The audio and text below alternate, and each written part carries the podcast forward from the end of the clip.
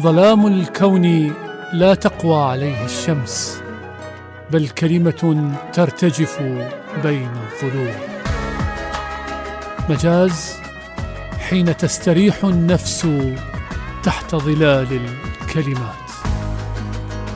مجاز بستان الأدب وحديقة اللغة. مجاز مع علي محمود خضير.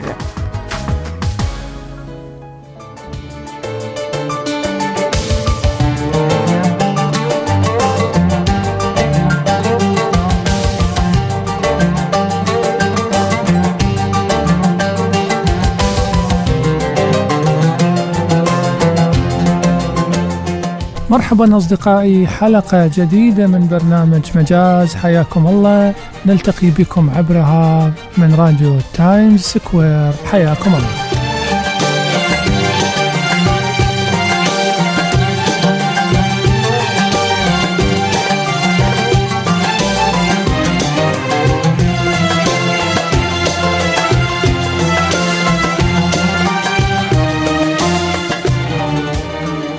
على الهواء مباشرة وعلى مدار ساعة كاملة من الآن سنكون معا. أنا علي محمود خضير في الإعداد والتقديم. يرافقني في الإخراج والتنفيذ الزميل المبدع مصطفى نزار. خليكم ويانا. جمر الغضاء أوقد بها الروح جمرة وحطني ما بين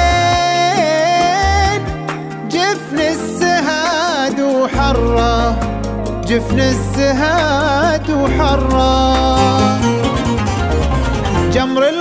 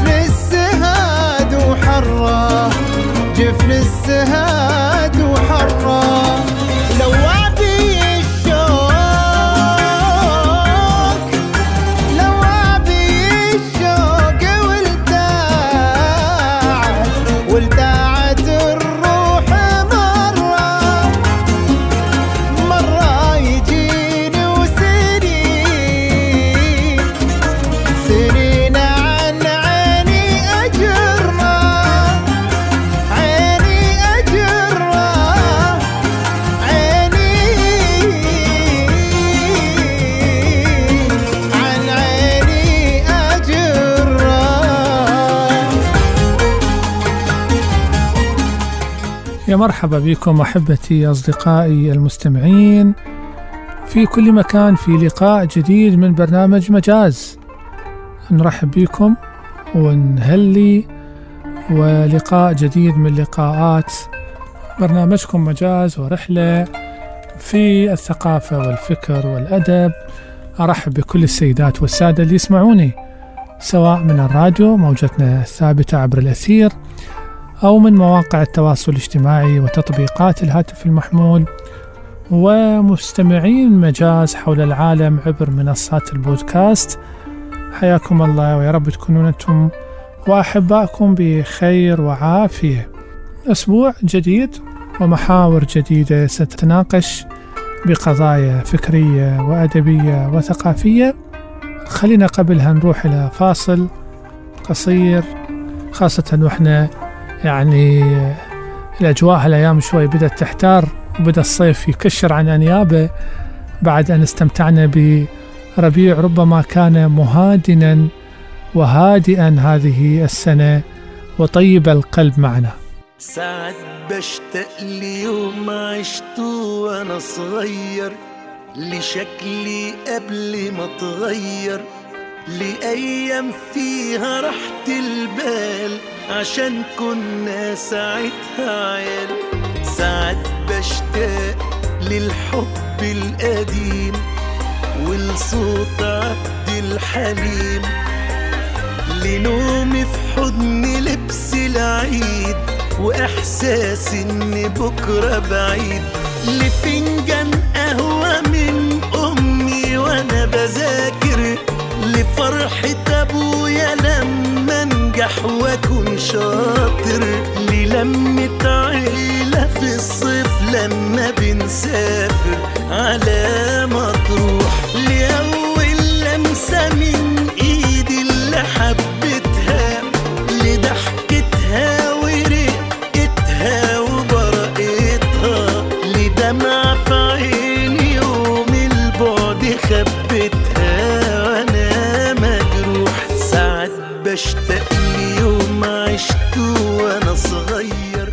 الأسبوع الماضي كان حقيقة هو اليوم العالمي للكتاب وكانت منصات ومكتبات العالم والوطن العربي قدمت خصومات جيدة للقراء في هذه المناسبة بينما مكتبات المدينة آه، البصرة ربما لم تكن على معرفة أو علم أو تواصل مع هذه المناسبة يعني أنا ما شفت حقيقة كثير من العروض أو الفعاليات. من الضروري جدا أن تكون المكتبات أصدق أصدقائي حتى تكون مميزة حتى تكون علامة حتى تحقق آه، أثر.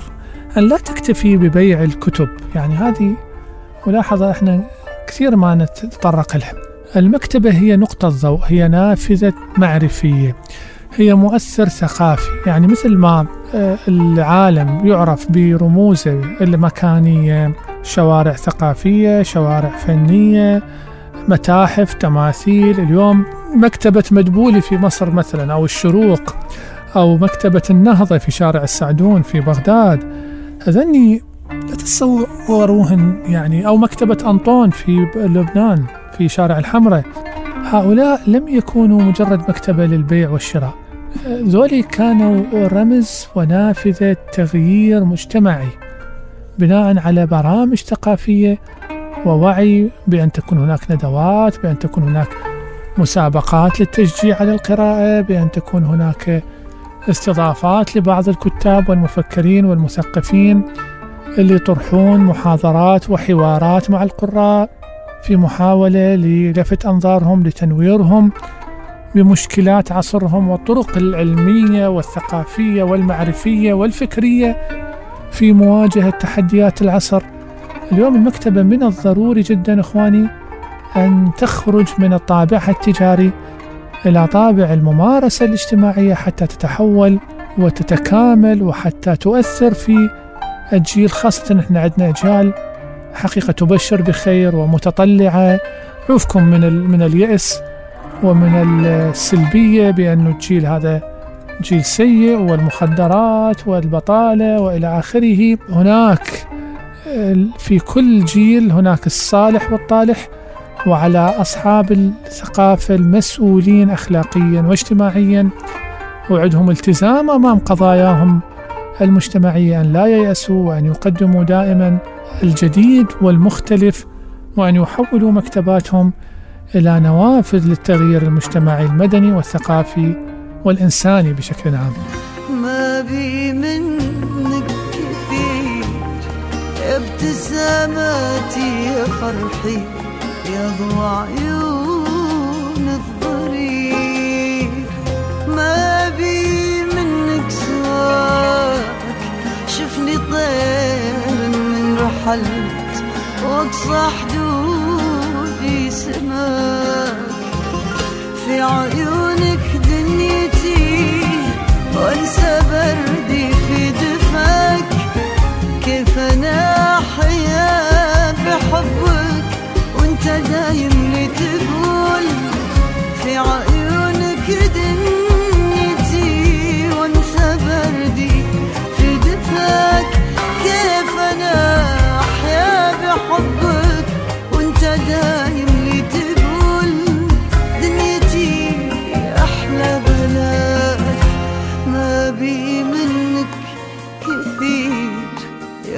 ابتساماتي يا فرحي يا ضوء عيون الضرير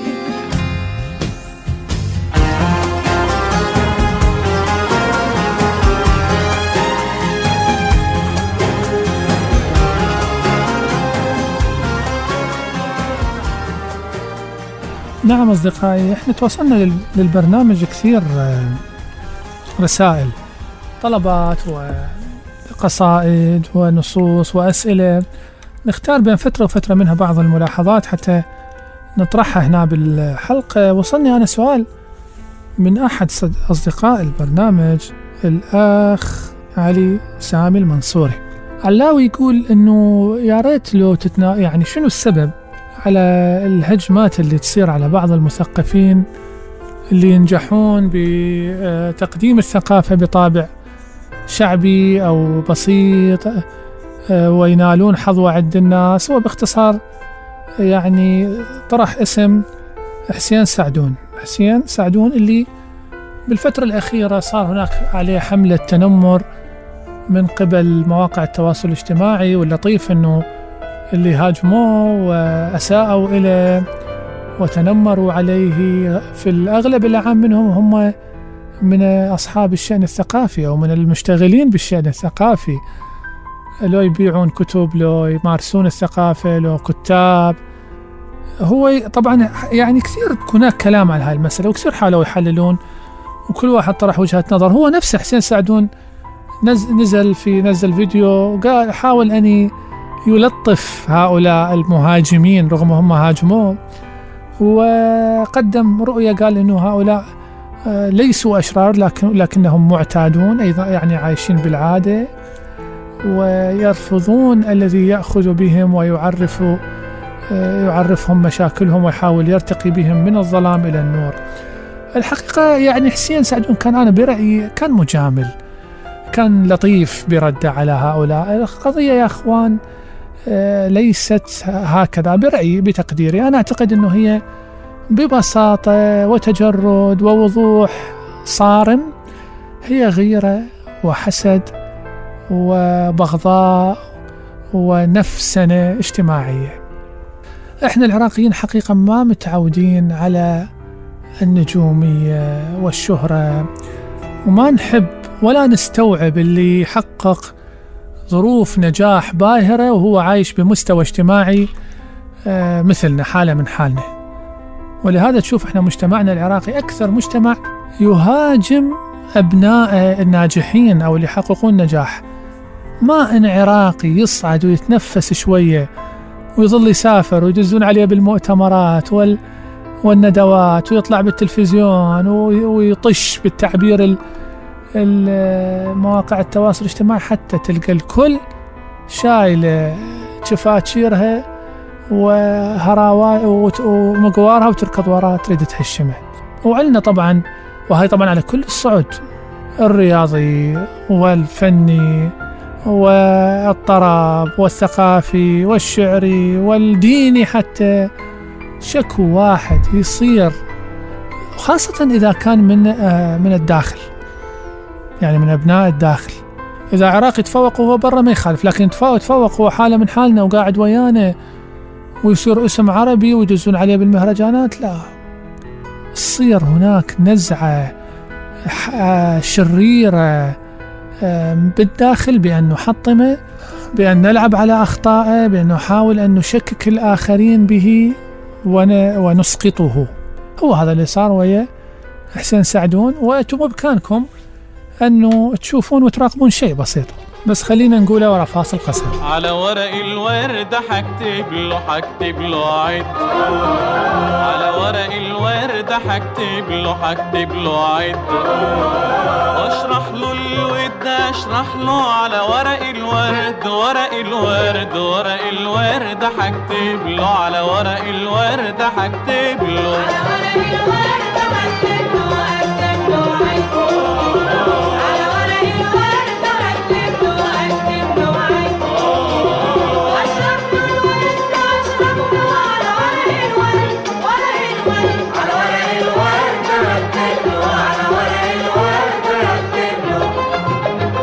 ابعت له سلام واكتب له كلام فيه شوق وهيام راح يفرح بيه.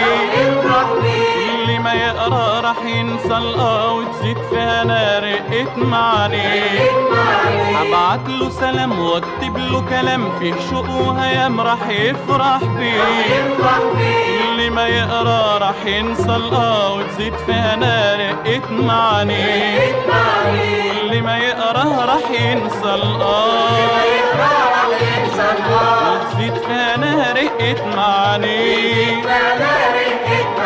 مكتوب على القلب بخط اليد مكتوب على القلب بخط اليد على ورق الورد على ورق الورد حكتب له على ورق الورد حكتب له على ورق الورد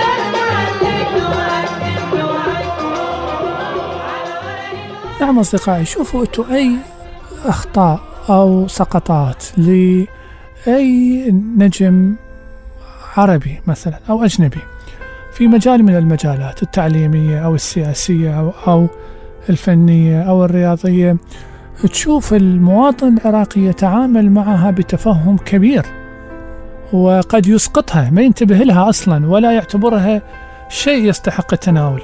لكن إذا كان نفس الخطأ أو نفس التصرف أو نفس السلوك صار مع اسم عراقي راح تلقى حفلات الشتم والتنمر والتسقيط سواء كان لاعب كرة قدم أو مدرب أو ممثل أو إعلامي أو سياسي. هذا ليس دفاعا عن أحد وليس مطربة الحي لا تطرب. حتى مطربة الحي لا تطرب أنا أعتقد أنه هي غير دقيقة. هذه كلها أسباب نفسية تتعلق بقضية ال- الغيرة بقضية أنه أنا ما أحب شخص يكون عايش نفس ظروفي ونفس المؤثرات والضغوطات اللي علي عليه ويحقق شيء بينما أنا أبقى أراوح في مكاني وقد أتراجع. شفنا إحنا كثير من الحملات السابقة اليوم على حسين سعدون بالأمس كانت عن أحمد وحيد في حالة معينة وقبلها كانت عن كاظم الساهر وقبلها كانت عن أحمد راضي رحمة الله عليه وقبلها كانت عن عدنان حمد وقبلها كانت عن آه، علي آه، في الشعر مثلا على على الجواهري اللي تعرض له أحد آه، ما يسمى بكتاب شعراء الشباب الشعبيين اللي يقول والله الجواهري ما يستحق المكانة اللي وصلها. قال له, قال له هواي كانوا أحسن من يمه في زمانه. يابا منو هذول اللي هو يذكر لنا إياهم؟ يقول والله المختصين يعرفون. شاهد المختصين يعرفون أنت شنو حاط روحك بال بالنص بعد عمك؟ هاي مشكلتنا. إحنا البارز لأن الجواهري بارز لا أكثر ولا أقل. ما يلوق لنا عراقي وبارز ومتألق. و... ولهذا تشوف الأوساط العربية دائما في المؤتمرات بال يهمسون بهذه الكلمة. يقولون يا أخي العراقيين ليش أنتم ما تحبون بعض؟ ليش أنتم واحد يحكي على الثاني ويسقط بالثاني؟ في كل المجالات سينمائيين كتاب السيناريو الصحفيين آه، المط... الفن وهكذا إلى آخره. حتى الغريب مشخص المشكلة عندنا وإحنا ربعنا ما ناويين يصحون على هذا المرض المزمن والمستمر. صورون الناس أغني وأني من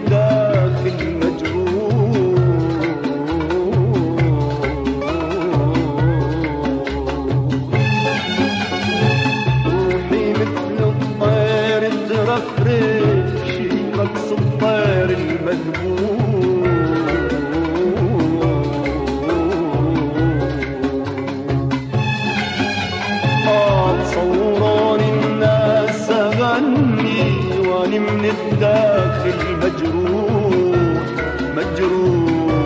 مجروح روحي مثل الطير ترفرف وكيا رقص الطير المذبوح المذبوح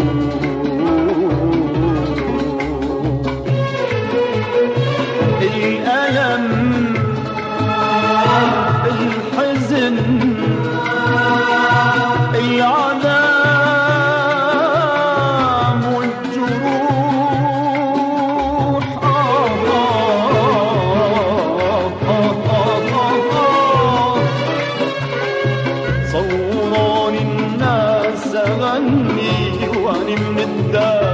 مذبوح مجروح مجروح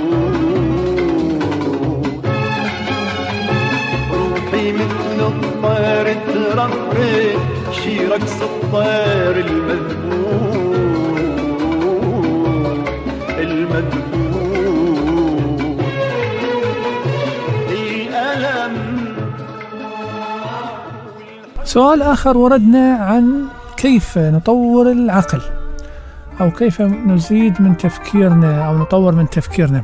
نعم يعني قد لا يكون هناك جواب واحد لكل هذه الأسئلة أو أكثر من جواب حقيقة لكن أنا أعتقد أنه المطاولة في العمل على الاكتشاف لا حدود للمعرفة ولا غموض وأنت تقرأ وتبحث وتحاول أن تكتشف.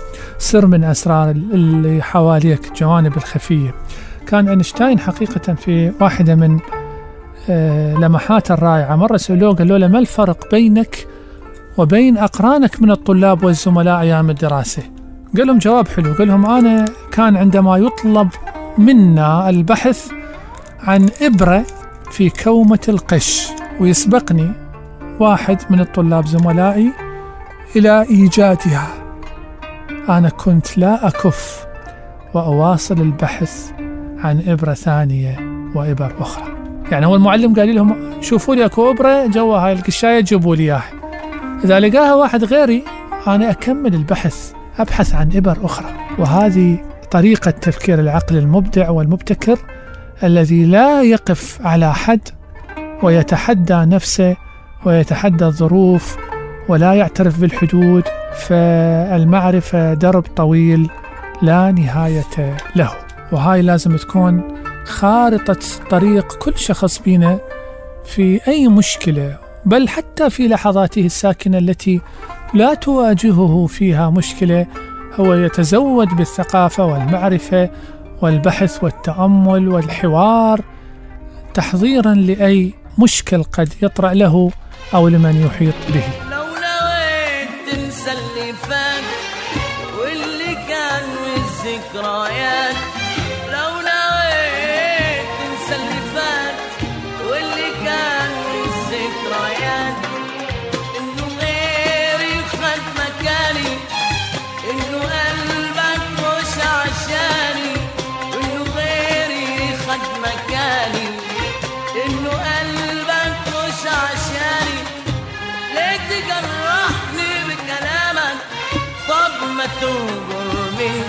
Yeah.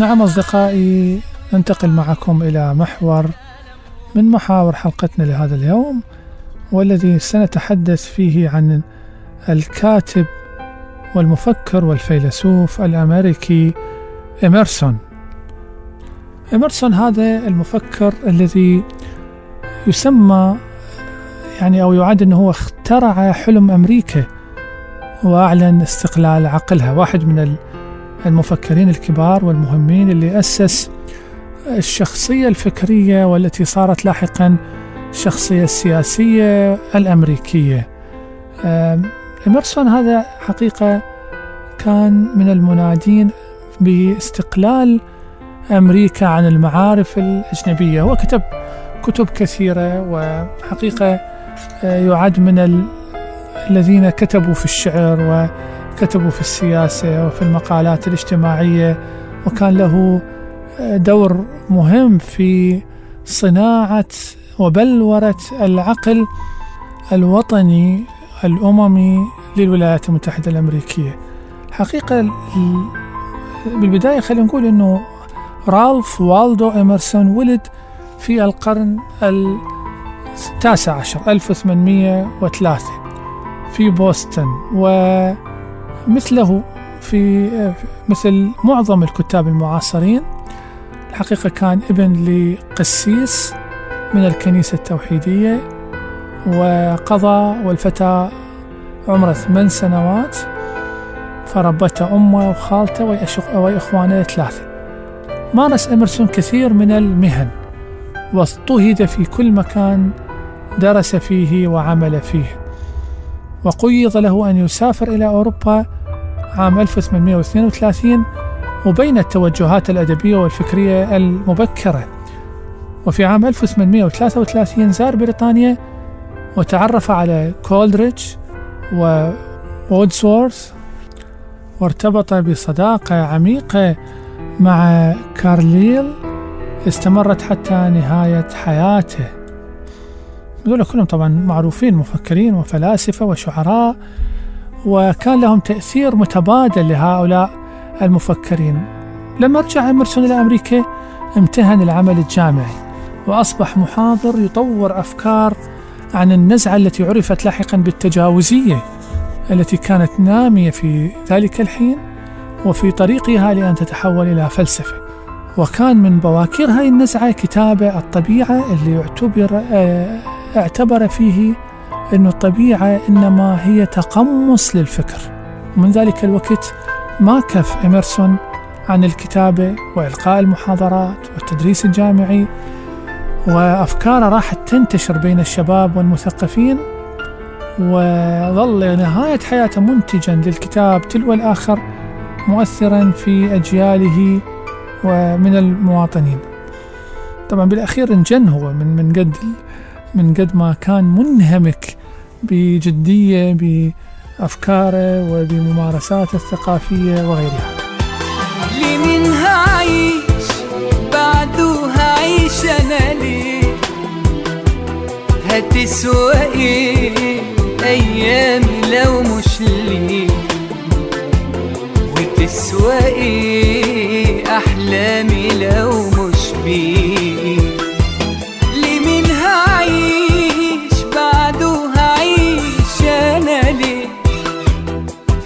إيه ايامي لو مش ليه وتسوى إيه أحلامي لو مش بيه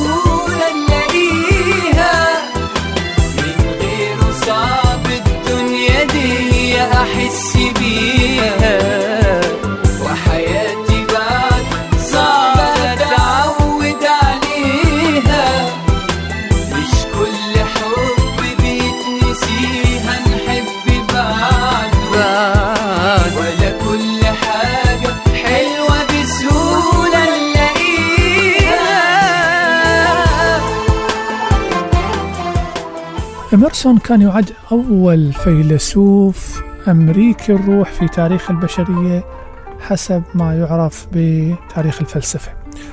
وكان ينادي دائما باستقلالية العقل وتجليه طوال حياته. يعني هذا الخطاب اللي ألقاه على جامعة هارفارد اللي إحنا أخذنا جزء منه وراح تسمعونه بالتقرير كان يعد ال- البيان الثاني لاستقلال أمريكا. هكذا كان يعد. بالتالي كان يرسم الذهنية الأمريكية اللي كان يدعوها إلى استنباط أفكار جديدة تبني الأمة من خلال مشاكل الخاصة بالأمة مو يروح يستورد أفكار من بريطانيا وفرنسا ويطبقها على المجتمع الأمريكي. طبعا هذه قد تكون أدت إلى بعض من النهضة في الفكر الأمريكي لكن آخرين كانوا يعتقدون بأنه هذه آه، خلت أمريكا تكرس نوعا من العزلة التي آه، في في طريقها لاحقا لأن تكون طابع في الذهنية الأمريكية ككل. الأمريكان بطبيعة حالهم منعزلين ويحسون نفسهم أنه هم وكأنه آه، عالم وحدة والكرة الأرضية كلها عالم آخر. طبعا مآثر إمرسون مو بس هذه الفكر مالته أو كتابه المهم اللي راح نستعرضه بالتقرير المجتمع والعزلة آه، مآثره تبقى في مجالين مجاورين. أولها إصداره لمجلة خاصة باسمه والتي ستواصل الصدور طوال السنوات المتبقية من حياته وتجمع العدد الأكبر من دراساته وكتابات من يستضيفهم من ناحية ومن ناحية ثانية تشكيل أول مجموعة شعرية في الزمن الحديث. ويمكن هاي المعلومة نادر ما تقال في ثقافتنا في صحافتنا الثقافية. يعني حتى إمرسون أصلا نادر ما يطرح كشاعر.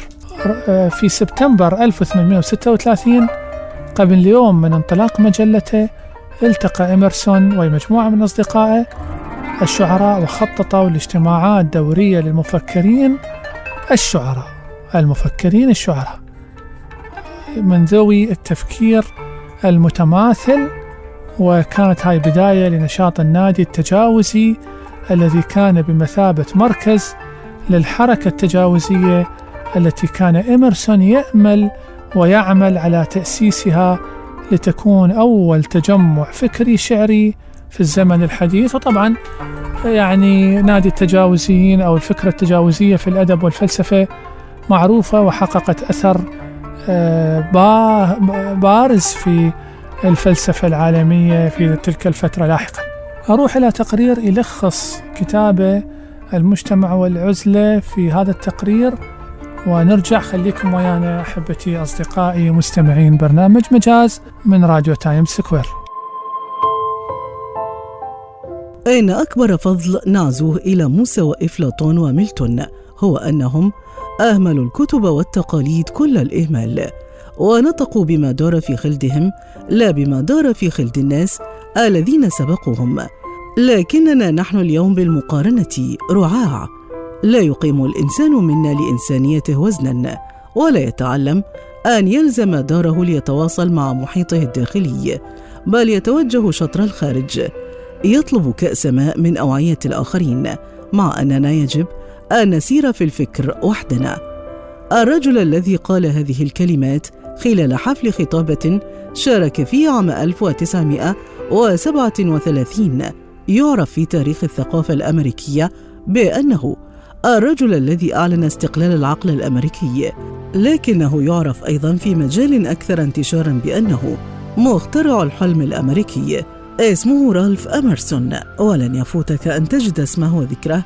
إن توجهت وتجولت في الجغرافيا والتاريخ الأمريكيين بل وفيما هو أبعد من ذلك. فلو كان الحديث عن الشاعر والت ويتمان وتعلقه المرضي بأمريكا ستجد أمرسون في ثنايا الحديث. ولو جيء على ذكر ثورو فسيكون أمرسون حاضرا. وحتى حين يصل المرء إلى إنجلترا وتطالعه أسماء مثل كولرج وكارلايل لن يفوته أن يلاحظ هنا أيضا حضور أمرسون. ذلك أن هذا الأخير كان من أصحاب الأسماء المرموقة حقا في الأدب الأمريكي. كما في لعبة التبادل الفكري بين أمريكا وبريطانيا طوال القرن التاسع عشر. وضع أمرسون عشرات الدراسات والكتب التي تحمل أفكارا مشابهة والتي اعتبرت تأسيسا للفكر الأمريكي. ومع هذا يظل كتاب المجتمع والعزلة الأهم والأكثر بقاء بين كتبه والصادر في عام 1870 أي قبل رحيل أمرسون باثنتي عشرة سنة.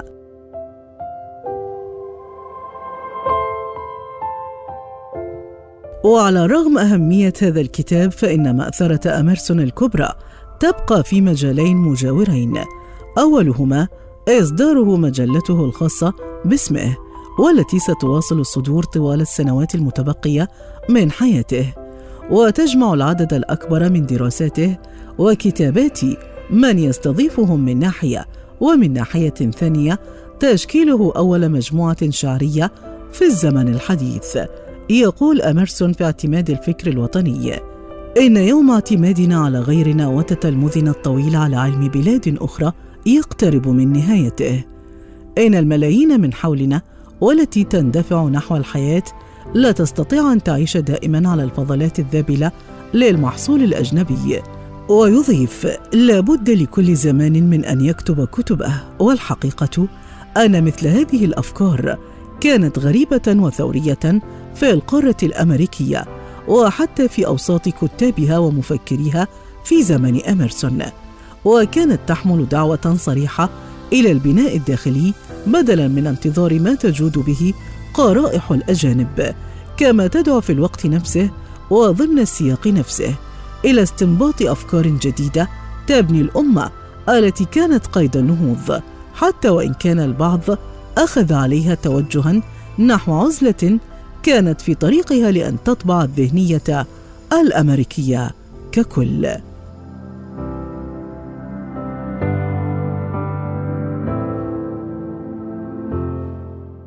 إذا أصدقائي ومن إميرسون المفكر والشاعر الأمريكي إلى هذا الخبر عن قرب إصدار كتاب للدكتور قيس كاظم الجنابي بعنوان نصف قرن مع الرواية العراقية المعاصرة الذي راح يصدر قريبا عن دار دجلة. الحقيقة نبارك للدكتور المعروف بدأبه الكبير في الدراسات والعلوم الأدبية هذا العالم الأدبي الكبير اللي تفتخر به المؤسسة النقدية العراقية وتحيات مجاز آه، لحضرة الدكتور قيس. انسى انساني ما تقولش نرجع تاني.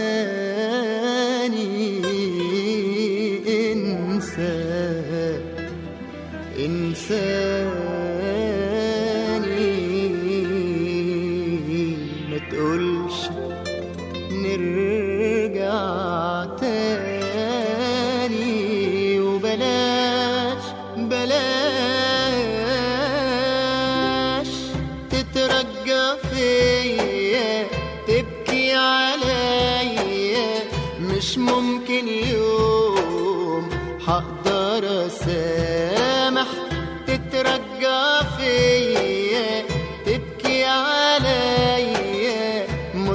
مش هنسى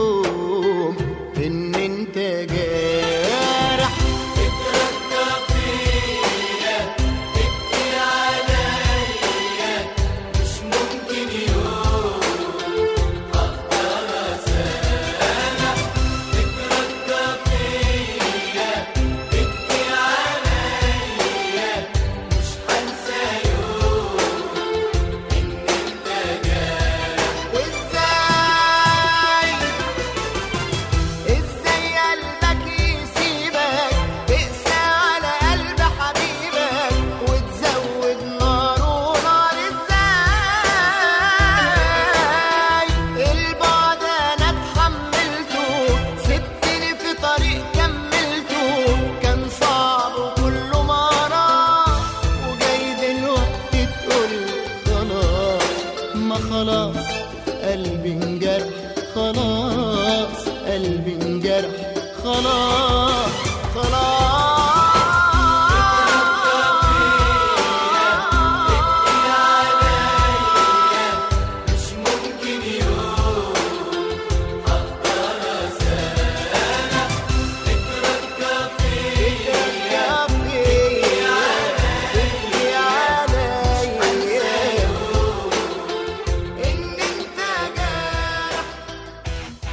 وفي التشابه اللغوي بين العامية العراقية واللغة العربية الفصحى هذه الخاطرة الجميلة للكاتب والشاعر حسان الحديثي حبيت أنه أنقلكم إياها يقول أستاذ حسان يصف العراقيون الحال عند الإعياء من التعب التعبان الشخص التعبان أو اللي تشتد به الجوع أو طول السفر بكلمة ناقض نقضان. بالكاف المعجمة وأصل هذه المفردة فصيح من ناكض أي المتعب والمنكضة أو المنكضة هي شدة التعب أو شدة الجوع. وقد وردت في الشعر العربي كقول ابن الرومي أي شيء أقول يا من عداه في نداه التنكيد والتنكيض. أي ماذا أقول فيك أيها الكريم؟ الذي لا يأتي منه نكد ولا نكظ تعب أو جوع. مو بس هاي وردت في الشعر الجاهلي عند الشنفرة في لامية العرب قوله يصف عواء الذئاب الجائعة كأنها عويل امرأة ثكلة. يقول فضج وضجت بالبراح كأنها وإياه نوح فوق علياء ثكل وفاء وفاءت بادرات وكلها على نكظ مما يكاتم مجمل.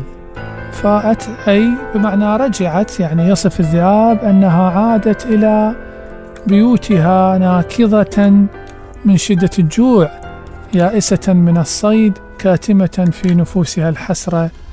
والمرارة وتحياتنا الأستاذ حسان الحديثي.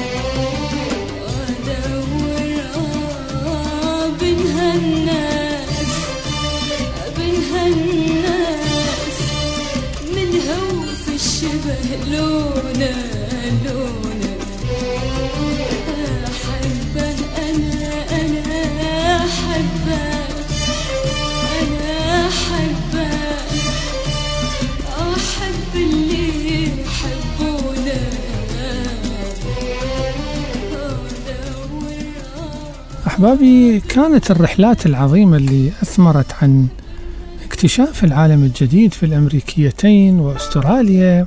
وبداية العصر الحديث في الغرب مرتبطة ارتباط وثيق مو بس فقط باكتشاف الثروات المالية أو النفط أو المعادن بقدر ما أيضا اكتشاف أنماط الحياة بكل صورها بدءا بالملابس إلى الأغذية والأطعمة والشراب لأن هذه جزء من ملذات الحياة الرئيسية التي كان يهتم بها الأوروبيين أثناء استكشافهم للعالم الخارجي. ولهذا كان هناك شره أوروبي للمشروبات. تعرفون المشروب هم عندهم سواء الشاي أو القهوة أو المشروبات الروحية إلها يعني أساس في حياتهم اليومية. فغيرت هاي العناصر اللي سموها المكيفات خاصة البهارات والقهوة والشاي التي اكتشفت في العالم الجديد. اللي اكتشفوه الأوروبيين غيرت من ذائقة البشرية التي كانت مبتلى بالمشروبات الكحولية وأعطت تصور آخر إلى حس سليم عملي عقلاني مرتبط بصعود طبقة صناعية وسطى استهلكت الكحول بخم بكثرة فبالتالي باتت تواقة لتجربة أنواع جديدة من المشروبات. لذلك تحولت المقاهي إلى أماكن للتجارة وتداول الأخبار وأحاديث الحياة اليومية حالة حال هنا عندنا بالشرق. وحدث ذلك في العالم الغربي في عصر النهضة. بينما على النقيض شجع المستعمرون دخول الأفيون مثلا إلى الصين حتى تتأثر طبقات الشعب الوسطى والمنسحقة بالأفيون وتعرفون المخدرات وفعلها وبالتالي تصبح هذه الشعوب سهلة الانقياد ولا تقوم أو لا تصنع لهم مشاكل بالنسبة للمستعمرين المحتلين.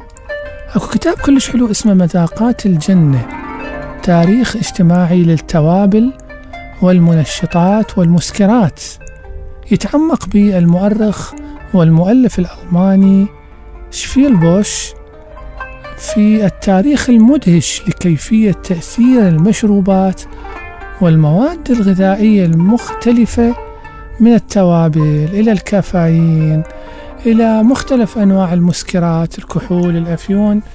تأثيرها على المجتمع والثقافة والاقتصاد في أوروبا والعالم الغربي. وإحنا هاي الكتب حقيقة قلة جدا ما نتناقش بها وما نألفها في تأليفاتنا العربية. دائما يا أما رواية يا أما قصة يا أما مجموعة شعرية. لكن تأثير هذه الموتيفات والموضوعات الخاصة والصغيرة والخصوصية في الحياة اليومية في المطبخ في المأكل في المشرب في الملبس لها دور كبير في تغيير حتى قرارات جسيمة. ياما وياما أحيانا غزوات كانت تصير بين قبائل وسببها أكلة أو نوع من الملابس أو فد مشكلة حول فد قضية خلافية تتعلق ب آه، شأن من شؤون الطعام أو الماشية. وإلى اليوم أعتقد هناك بعض النزاعات اللي تصير من هيك نوع. خليني أروح لهذا التقرير الرائع اللي يحكي لنا شوي على هذا الكتاب مذاقات الجنة وبعدين نرجع نعلق عليها. في مذاقات الجنة تاريخ اجتماعي للتوابل والمنشطات والمسكرات. يتعمق المؤرخ والمؤلف الألماني وولفغانغ شيفلبوش في التاريخ المدهش لكيفية تأثير المشروبات والمواد الغذائية المختلفة من التوابل إلى الكافيين وحتى الأفيون والمسكرات الكحولية. على المجتمع والثقافة والاقتصاد في أوروبا والعالم الغربي على مر القرون. ومن خلال مزيج من البحث التاريخي والتحليل الثقافي يقدم من خلاله منظورا فريدا حول كيفية تشكيل هذه المواد للعالم الحديث. يبدأ الكتاب بمناقشة دور التوابل في أوروبا في العصور الوسطى، حيث كانت تعتبر منتجا فاخرا وعلامة على الثروة الطائلة والمكانة الرفيعة، ويشرح المؤلف كيف حركت الرغبة في جلب المزيد من التوابل بزوغ عصر الاستكشاف والبحث عن طريق بحري مباشر إلى الهند كما يتعمق في الآثار الطبقية المترتبة على سحر التوابل وكيف تم استخدامها كوسيلة للتمييز بين النخب وعامة الناس. مع تقدم الكتاب يناقش المؤلف الذي يعيش في نيويورك منذ عام 1973 دور المنشطات والمسكرات الأخرى بما في ذلك القهوة والشوكولاتة والتبغ والمخدرات مثل الأفيون والهيروين والخمور. ويستكشف التأثير الثقافي والمجتمعي لكل مادة. وكيف يتم استيعابها واستهلاكها من قبل الفئات والمجموعات المختلفة. وعلى سبيل المثال ناقش كيف أصبحت القهوة بديلا شائعا للكحول بين الطبقة العاملة البروتستانتية. حيث كان ينظر إليها آنذاك على أنها وسيلة لزيادة الإنتاجية والحد من الرغبة الجنسية. في أوروبا العصور الوسطى وعصر النهضة لم تكن المشروبات الكحولية تشرب للسكر فقط وإنما أيضا لتوفير السعرات الحرارية التي يحتاجها العمال والجنود. ولكن حدث تحول حفز الطبقات الوسطى الصاعدة البرجوازية لتبني القهوة والشاي باعتبارهما مشروبهم المعتاد.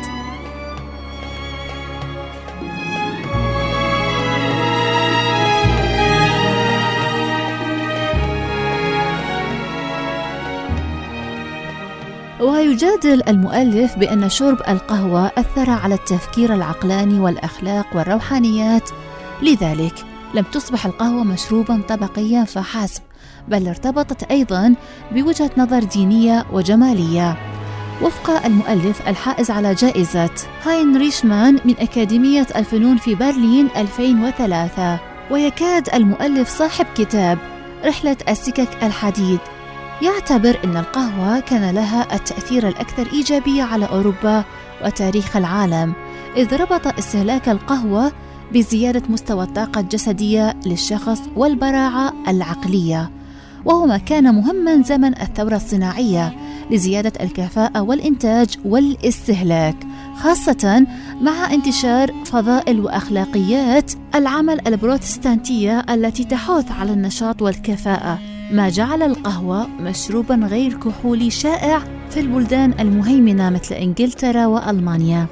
يناقش الكتاب أيضا دور المقاهي خاصة في إنجلترا وكيف أصبحت مكانا على عكس الحانات والنزل للحوار الرصين والجاد. وهو ما جعل رجال الأعمال وليس الأرستقراطيين منهم بالضرورة يجتمعون بالمقاهي ليناقشوا الأخبار اليومية والسياسية والقيل والقال. كما كانت المقاهي ترتبط بعلاقات قوية مع أحزاب سياسية معينة ما عزز النظر إليها كبؤر انقلابات سياسية محتملة. على فكرة أصدقائي لعبة القهوة والشوكولاتة والأساطير والخرافات المرتبطة فيهما أو بهما أدوار مختلفة في تشكيل الهويات الثقافية والدينية لمجتمعات مختلفة. يعني حين نظر للقهوة مثلا في المجتمع في أوروبا كمشروب بروتستانتي بينما الشوكولاتة انتشرت في المجتمعات الكاثوليكية بحسب الكتاب اللي شربتها كسائل لا يكسر فترات الصيام الدينية المسيحية. اعتبروه سائل ممكن تناوله. طبعا تم استيراد الشوكولاتة من العالم الجديد الأمريكيتين إلى البلدان ذات الأغلبية الكاثوليكية إيطاليا إسبانيا. واستهلك رجال الأعلاء الدين خاصة وقت الأعياد الدينية. لكن سرعان ما صارت رمز لمكانة الطبقة الأرستقراطية كمشروب فاخر غني بالسعرات. الشوكولا كانت نقيض القهوة لأن الشوكولا لها صفات غذائية تريح الجسم وتمده بالسكر وكان يعتقد أنها مثيرة للشهوة الجنسية لكن مكانتها تراجعت في أوروبا بالقرن التاسع عشر مع ارتفاع شعبيتها بين الطبقة الوسطى. بعدين صار ارتباطها أكثر بالنساء والأطفال ومجتمعات الطبقة الوسطى البعيدة عن السلطة بالتالي السلطة بدأت تبتعد عن تناول الشوكولا كمظهر من مظاهر الفخر أو مظهر من مظاهر التمايز بين طبقات المجتمع جاي. تلاحظون شلون يعني مثل ما هسه بالضبط الكافيار مو أي واحد يقدر يتناوله. بينما اللي ياكل زوري هناك نظرة اجتماعية عليه أنه هو إنسان بسيط وفقير وبدائي. يعني في بعض طبقات المجتمع. مو بس هاي الكتاب يشير ارتباط إلى ارتباط ظريف بين الشوكولا وعلاقتها بالكسل والانحلال. وهو اللي خلى النساء يتجنبن استهلاكها في الأماكن العامة في أوروبا. وبعد مرور الوقت بدأ الشاي ياخذ مكانة مميزة وإلى كان في البداية طابع أكثر أنثوية رغم ارتباطه بمظاهر الرسمية يعني يقدم في مناسبات رسمية. لكن كانت حفلات الشاي معروفة بأن هذا طابع اجتماعي نسائي إلى حد ما. لكن لاحقا الإعلانات التجارية غيرت هذه الصورة حتى تكسب عملاء وزبائن. المهم هذا كله تصور إحنا نريد نعكس به كيف ممكن صناعة المواد الغذائية تلعب دور. طبعا أكو حديث أيضا عن استخدام التوابل في العصور الوسطى في المستحضرات الطبية كدليل على الرقي كان ودليل على المرتبة الرفيعة في التسلسل الهرمي الاجتماعي. يعني كلما ارتفعت مكانة الأسرة زاد استخدامها للتوابل. هذا التصورات في أوروبا في العصور الوسطى. بحيث كانت التوابل أصدقائي يشير المؤرخون أنها تمنح كهدايا بين أفراد النبلاء وتستخدم أحيانا بديلا عن المدفوعات النقدية مقايضة. يعني مو كان ما أعطيك فضة ذهب أعطيك قماش أعطيك طحين مكان سلعتك أعطيك كيس مع العطارين من العطارين مال بهارات. عاد كيفك؟ بهارات كاري برياني هسه بالجديد بهارات مندي. المهم أصدقائي بهذا نصل إلى نهاية حلقتنا لهذا اليوم. من برنامج مجاز يا رب تكون حلقة ممتعة ومفيدة.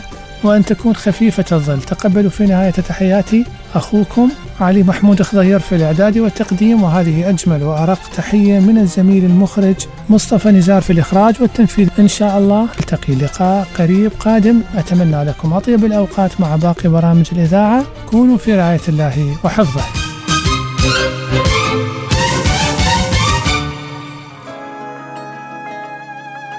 ظلام الكون لا تقوى عليه الشمس بل كلمة ترتجف بين الظلوم مجاز حين تستريح النفس تحت ظلال الكلمات.